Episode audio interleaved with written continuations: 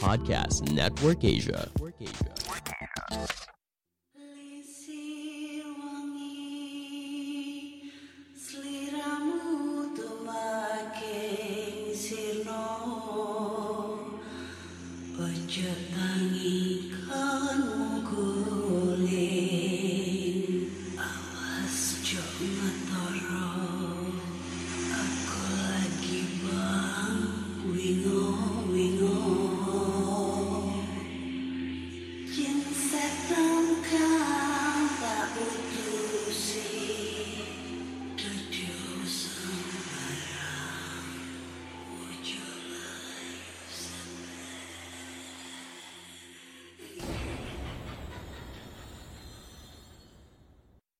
Hai Re, ya apa kabar Ketemu lagi dengan aku si Ana di podcast kisah horor. Ketawanya makin hari makin kayak apa ya? kayak kucing kecepit. ya udah, Eh, kita bertemu di episode 200 sekian ya. Karena aku lupa udah 200 berapa. Dan di episode kali ini aku akan membacakan cerita horor ataupun email berhantu yang sudah dikirimkan teman-teman melalui podcast kisah horor at gmail.com atau di Instagram podcast kisah horor serta Google Form yang lainnya tersedia di bio Instagram podcast kisah horor. Oke, sebelum kita memulai bercerita horor, pertama-tama eh, gua Ana eh, mau mengucapkan turut berbela sungkawa atas tragedi kerusuhan sporter Aremania di Stadion Kanjuruhan Malang.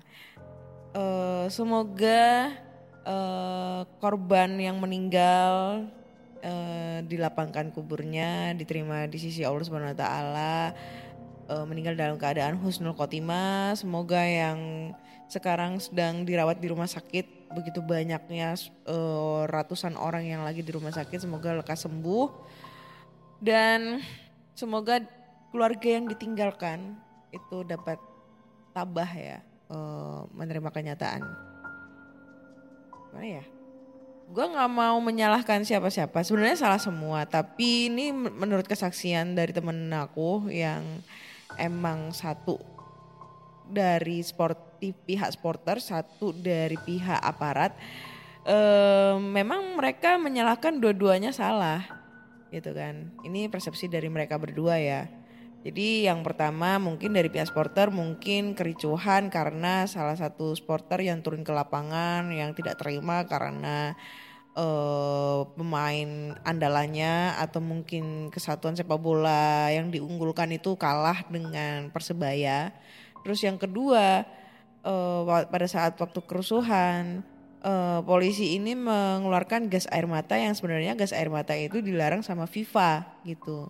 Sebenarnya sih eh, kalau katanya temanku itu dari pihak polisi itu memang dianjurkan oleh pihak penyelenggara gitu supaya tidak terjadi hal-hal yang tidak diinginkan. Cuma karena emang gimana ya situasinya kemarin itu miris juga sampai temen aku sampai sekarang tuh masih shock gitu.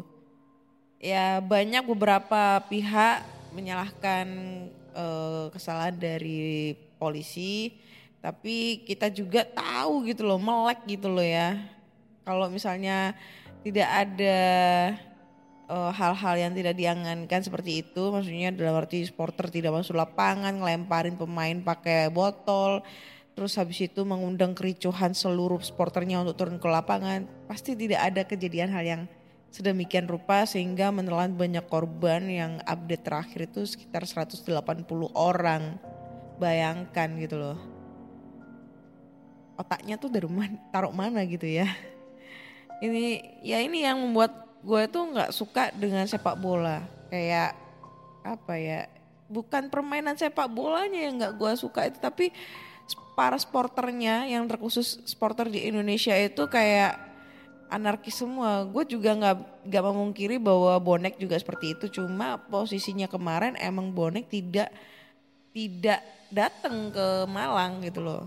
Bayangkan kalau seandainya itu para bonek itu datang lihat persebaya di Malang, apa nggak tambah rusuh rusuh rusuh serus rusuhnya itu ya kayak gitu deh ya semoga ini menjadi eh apa namanya musibah yang terakhir lah di Indonesia ya dalam hal masalah dunia sepak bola karena emang kemarin gue lihat eh, Indonesia adalah peringkat kedua dari ratusan negara yang mengalami kerusuhan menelan korban banyak.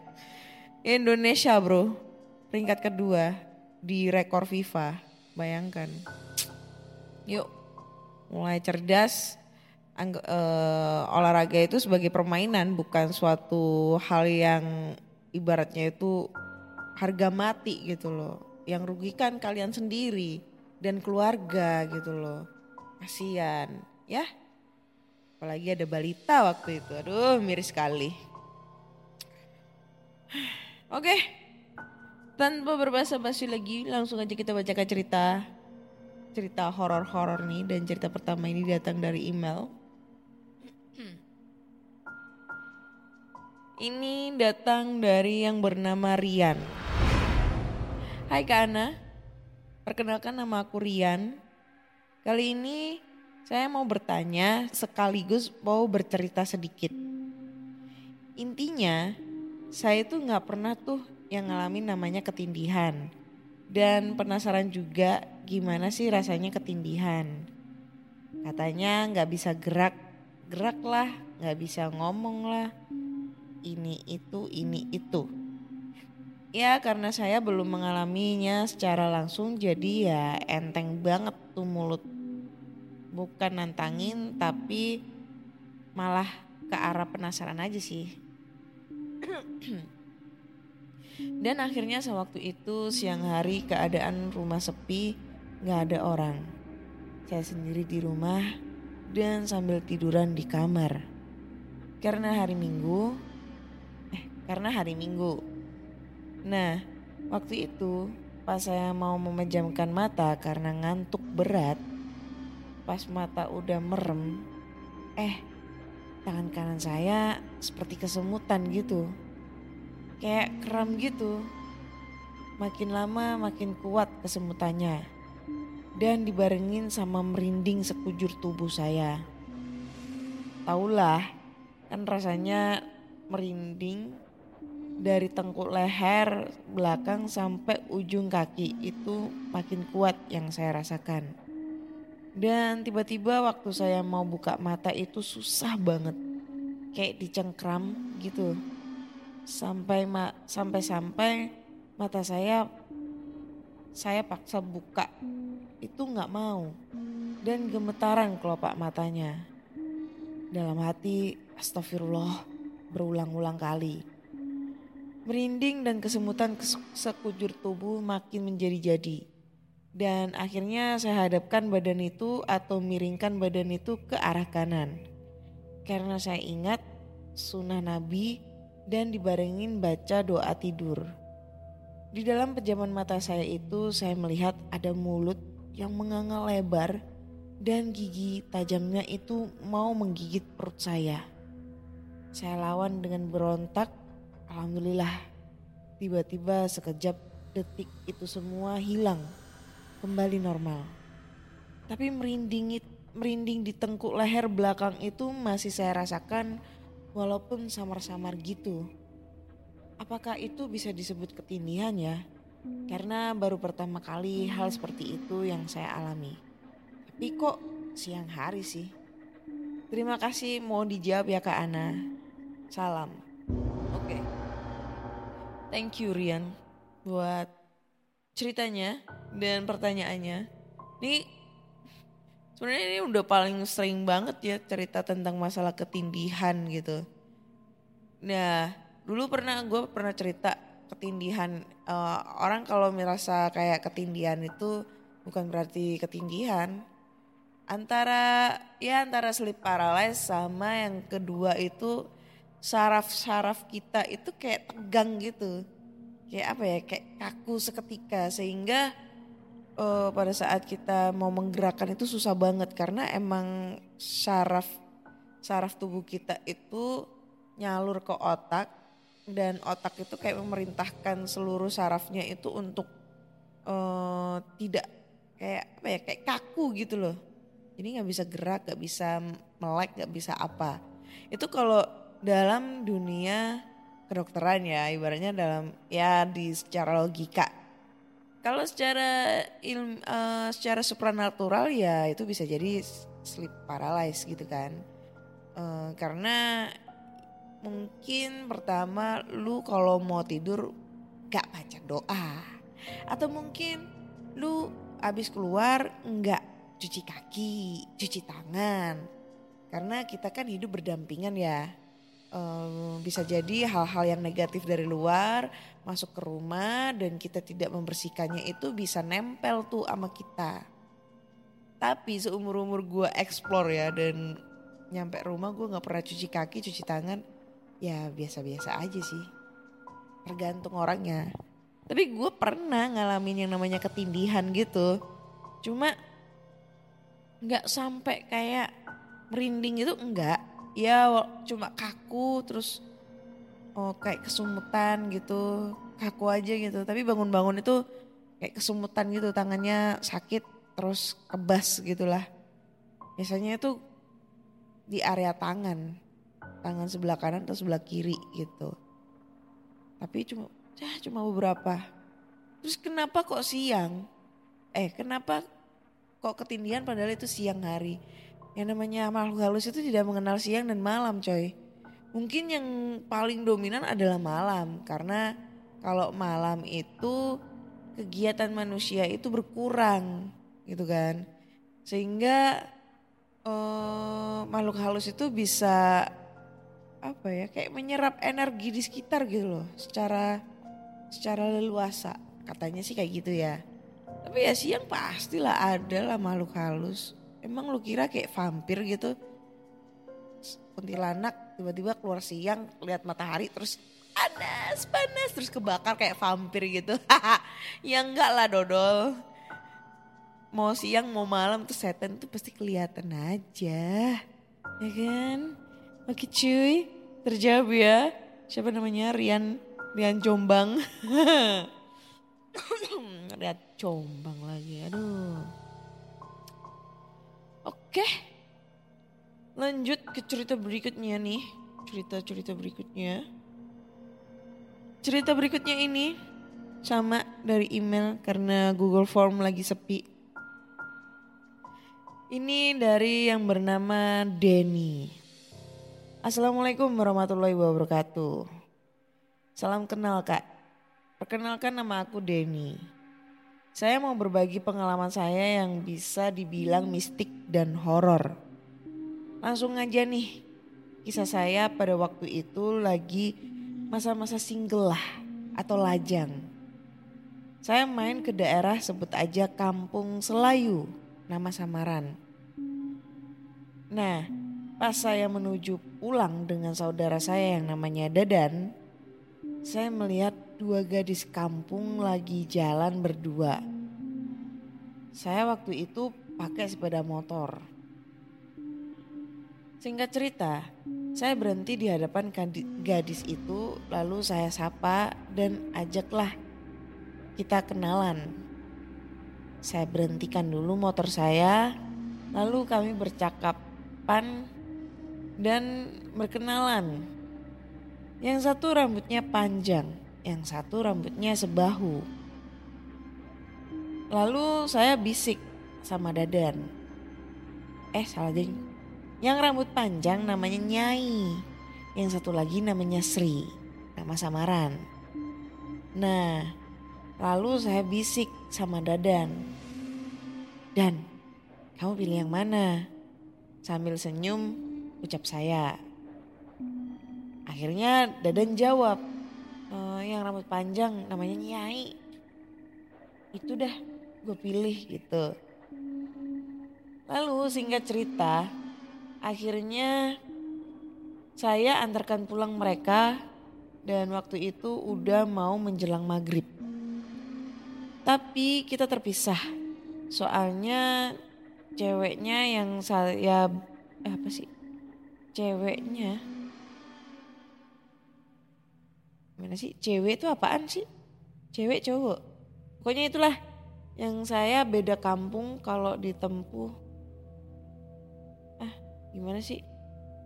Intinya mereka berdua beda kampung lah kalau ditempuh jalan kaki ada sekitar 30 menit. Saya bingung motor cuma satu. Nah saya tunggu di rumah cewek kami. Abis gimana sih anjir cewek? Siapa sih cewek? Cewek. Ya itulah cewek kami abis saya nganterin saya jemput kamu. Ucap saya pada dadan. Oh mungkin dia nunggu di rumah siapa gitu kan. Terus dia bilang sama dadan abis nganterin dia nanti aku jemput kamu. Ucap saya pada dadan. Lalu saya nganterin dulu itu cewek dan anjing lah cewek dandan yang rumah deket jalan tersebut. Biar apa sih ini? Aku bingung saya? Fucking. Uh, biar biar nyampe mana tadi? Uh, biar lalu saya ngatarin biar saya tahu ntar kalau kalau jemput posisi dia. Dulu saya nggak punya HP kayak sekarang. Waktu saya muda HP barang mahal. Singkat cerita saya pun lanjut nganterin pulang cewek saya. Oh yang si rambut pendek itu ya si Sri yang beda kampung. Lalu pas saya nganterin jalan, lalu pas saya nganterin jalannya masih tanah dan batu. Sekitar ada 20 menit perjalanan sampailah pada rumah cewek saya. Lalu saya masuk sapa orang tua cewek saya, cewek yang saya antar. Saya dijamu baik ibu bapak cewek tersebut. Saya nggak lama-lama. Eh gimana sih? Saya nggak lama-lama pak mau pamit. Ntar besok malam saya ke sini lagi. Ucap saya pada ibu bapak cewek saya. Lo udah jadian? Cepet banget. Lalu saya pamit pada cewek saya, besok kita ketemu lagi ya. Dia ngangguk dan tersenyum. Saya tunggu ucap cewek saya. nah di perjalanan pulang saya melewati pemandian. Kalau di kampung kamar mandi disebut tampian. Ya di tempat umum atau aduh. Ah nggak tahu lah ini ya. Pusing saya bacanya. Mohon maaf nih udah bingung alur ceritanya, udah gitu bersambung. nggak ada lanjutannya. Ini bagaimana ini? Siapa namanya ini? Denny ya ceritanya ya. Denny Sumargo. Gimana nih alur ceritanya? Gue bingung tuh ya. Tolong kalau kirim cerita itu yang jelas gitu. Nggak apa-apa singkat itu nggak apa-apa. Yang penting alurnya itu jelas dan nggak bingung gitu ya gue nggak bisa berkomentar ini. Ini ceritanya kayak gimana gue nggak bisa komentar nih. Soalnya nggak selesai ceritanya dan sangat membagongkan. Sangat membingungkan gitu. Anjay. Kayaknya nambah satu cerita lagi lah. Ini cerita dari Denny agak sedikit membingungkan nih. Kita tambah satu cerita lagi. Oke kita nambah satu cerita lagi dan cerita ini datang dari Mbak Siti kayak nama gue nih, Citi. Judulnya nggak ada. Cuma kisah nyata judulnya ya. Jadi ini terjadi sekitar tahun 2009. Saat kami sekeluarga pindah ke rumah yang kami tinggali saat ini. Rumah ini sudah kosong sekitar satu tahunan. Anakku saat itu baru berusia enam tahun. Anehnya dia gak berani ke dapur atau ke kamar mandi sendiri. Harus selalu ditemani. Bukan cuma anakku, bahkan ibuku jika berkunjung harus diantar jika ingin ke kamar mandi rumahku. Kebetulan kamar mandi bangunannya di belakang rumah, misah sama rumah. Awal menempati rumah, malam harinya jam 12 malam, perut mules Aku pun pergi ke WC. keluar pintu rumah aku sedikit tertegun. Ternyata keadaan di luar memang sedikit menyeramkan. Apalagi sekeliling rumah kebun-kebun warga. Otomatis gelap kalau malam. Aku pun langsung menuju WC. Nah, pas di WC itu aku dengar suara bebek tepat di kebun belakang WC aku. Aku intiplah itu bebek. Tepatnya itu bebek di pinggir pohon jengkol. Kupikir itu mungkin bebek tetangga yang lupa pulang kemalaman. Besok paginya ku carilah itu bebek. Sudah nggak ada. Ku tanya tetangga, rupanya nggak ada satupun yang pelihara bebek. Rata-rata peliharanya ayam. Sampai sekarang jadi misteri malam itu. Bebek siapa nggak tahu. Beberapa hari kemudian jam 6 kurang sebelum maghrib, aku sedang berdiri depan jendela kamar melihat keadaan di luar. Tiba-tiba ada anak kecil laki-laki berlari lewat menuju ke belakang rumah. Padahal itu bukan jalan umum. Dan belakang rumah aku tuh kebun yang dipagar oleh suami. Aku susulah tuh anak, takut ibunya nyariin. Udah mau maghrib, masih keluyuran. Pikirku anak siapa itu? Pas di belakang rumah, aku cari-cari nggak ada. Kebun belakang rumah pun dipagari gak mungkin bisa lewat. Tiba-tiba jadi merinding. Cepat-cepat aku masuk rumah. Malam harinya jam 10, lagi asik nonton TV. Tiba-tiba rumah ada yang gedor-gedor. Kaget kita. Suami langsung keluar dicari tapi nggak ada siapa pun. Lagian rumah kita itu berjarak dari rumah tetangga pinggir depan dan belakang rumah tuh kebun. Siapa yang iseng? Kami pun memutuskan tidur. Jam satu malam aku terbangun. Ada suara ketukan di jendela. Kubuka jendela kamar, gak ada apa pun. Cuma kegelapan malam. Di situlah aku mulai berpikir apa mungkin ini ulah jin. Karena rumah ini lama kosong tadinya. Satu hari kakakku menginap di rumah. Ku bilang kalau nonton TV jangan lewat jam 10 malam. Nanti ada yang terganggu gedor-gedor rumah. Soalnya aku sudah sering ngalami sejak tinggal di rumah ini. Rumpanya dia tetap nonton dan terbukti. Ada yang gedor-gedor rumah. Jam 10 dia masih nonton. Pengen buang air kecil pun ditahan sampai pagi karena takut gak mau keluar rumah. Pernah suatu, satu sore sebelum maghrib aku dengar suara anak kecil nangis. Aku tengoklah ke pinggir rumah, gak ada siapa pun. Pas aku ke kamar mandi, tiba-tiba kakiku berat sekali. Badan lemas dan ambruk. Aku teriak minta tolong, untung suami dengar dipoponglah aku ke rumah. Datang ketua kampung, dibacain ayat-ayat suci Al-Quran. Aku langsung muntah-muntah, lemes, dan tertidur sampai pagi. Besoknya suami bilang katanya aku ditempelin jin. Untung aku kuat ngelawan. Kalau enggak, kalau enggak kuat ya kesurupan. Masih banyak hal aneh di rumahku dan lain kali pasti aku ceritakan. Sekarang rumah sudah dirukiah oleh guruku jadi aman gak ada lagi gangguan. Terima kasih sudah dibacakan. Mohon maaf kalau ceritanya kurang seram. Terima kasih Mbak Siti buat penutup ceritanya yang lumayan begitu creepy.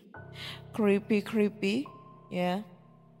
Ya bisa jadi rumah kayak gitu karena mungkin uh, aku nggak ngeli nggak ngebaca pada saat Mbak Siti cerita eh Mbak Siti cerita, Mbak Siti nulis rumah itu sebelumnya udah pernah diselamatin apa belum, ya kan? Lebih tepatnya sih di ya ya selamatan sih biar dikasih uh, perlindungan gitu, ya kan? Kalau emang belum ya itu bisa jadi gangguan-gangguan mistis itu terjadi karena kan seperti yang gue sering ngomongin ya suatu tempat suatu lokasi suatu ruangan kalau di- tidak ditempatin atau tidak pernah ada orang yang berlalu lalang selama 40 hari itu udah jadi eh, markasnya mereka gitu ya. Apalagi kalau keadaannya gelap, lembab, itu tambah disukai nama mereka gitu. Nah, karena itu rumah gak ditempatin selama setahunan ya bisa jadi gitu loh. Karena emang rumahnya kan gak ditempatin pertama, terus kedua juga mungkin dalam keadaan kotor, terus abis itu Mbak Siti nempatin itu rumah eh dalam tidak diselamatin gitu kan. Ya bisa jadi itu kayak perkenalan aja sih lebih kayak perkenalan dan mungkin lebih kayak mereka eh, masih penyesuaian dengan orang baru gitu. Karena kan tuh rumah kan tadinya kosong. Kayak gitu guys. Apalagi kalau kamar mandi sampai eh, berada di luar rumah. Aduh serem banget sumpah. Aku tuh udah pernah ngalamin kayak gini gitu. Kamar mandi di luar. Lebih tepatnya sih bukan kamar mandi ya eh, WC karena dulu waktu zaman dulu waktu gua masih SD SD SM SD ya SD SMP eh, kalau di rumah nenekku yang ada di Nganjuk itu WC-nya itu WC umum. Jadi ada di luar di luar rumah. Jadi yang di rumah itu cuma kamar mandi. Itu pun kamar mandi di luar. Di lu nggak nggak di luar kayak beda jauh gitu enggak cuma posisinya itu di luar gitu loh. Deket sumur. Kalau pada umumnya kan di dalam rumah ya. Kalau ini di luar gitu. Bukan di kebun sih cuma di di ya di luar gitu doang. Nah kalau yang di deket kebun itu WC gue inget banget itu anjir serem banget. Malam-malam kebelet pup gue harus nimba dulu air terus abis itu bawa ember buat eh, ceboknya gitu kan sama nyiram tuh WC dan WC-nya itu deket kebun pisang itu karena emang eh, itu WC-nya itu satu WC bisa dipakai tiga rumah dua atau tiga rumah gitu. Jadi ibaratnya ya WC umum gitu. Itu serem banget. Terus apalagi kalau malam tuh nggak ada lampu coy. Beneran. Jadi kita bermodalkan senter. Itu kalau di Nganjuk ya. Kalau di Jogja dulu kita kalau mau beol itu ke kali. Mau beol itu ke kali coy. Belum ada kamar mandi. Jadi mandinya ya di kali. Bayangin lu itu itu masih mending yang di Nganjuk coba deket gitu belakang rumah ada kebun. Ini kalau yang di Jogja dulu itu bayangin malam-malam tengah malam gue harus pergi kalian harus pergi ke kali yang jarak kali sama rumah itu sekitar 500 meteran. 500 bisa sampai satu kilo. Beh gelap coy. Apalagi pas tengah malam tuh ya udah kebelet banget itu. Mau nggak mau terpaksa lu harus ke kali gue gak bisa kebayangin pada saat gue ke kali nemu putih-putih di sana. Tapi sekarang udah beda. Sekarang kali udah difungsikan sebagai ya mungkin buat cuci-cuci doang gitu. Kalau sekarang mah udah ada kamar mandi masing-masing. Karena seiring berjalannya waktu apa ya seiring eh canggih ya modern itu udah nggak ada tuh kali waduh kak jadi kangen pengen pulang ke Jogja nih jadinya ya. Hmm. Oke deh kayaknya cukup sekian dulu di episode 200 sekian ini ya karena gua udah lupa nih episode berapa nih ya. So buat teman-teman semua nih kalau kalian punya cerita-cerita horor kalian langsung aja bisa kirim cerita kalian ke podcast kisah horor at gmail.com atau di Instagram podcast kisah horor serta Google Form yang linknya tersedia di bio Instagram podcast kisah horor.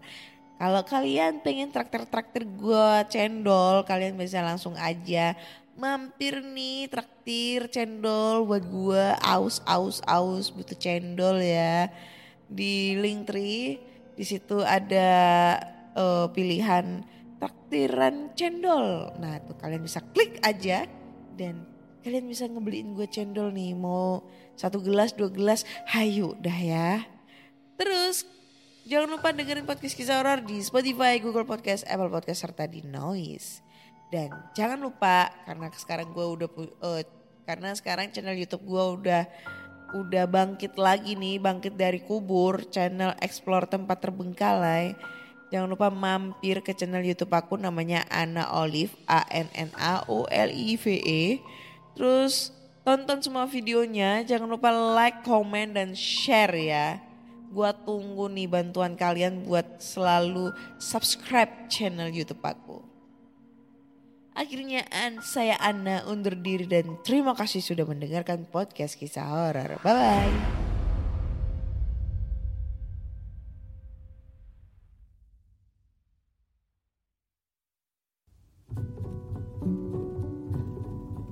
Pandangan dan opini yang disampaikan oleh kreator podcast, host, dan tamu tidak mencerminkan kebijakan resmi dan bagian dari podcast Network Asia.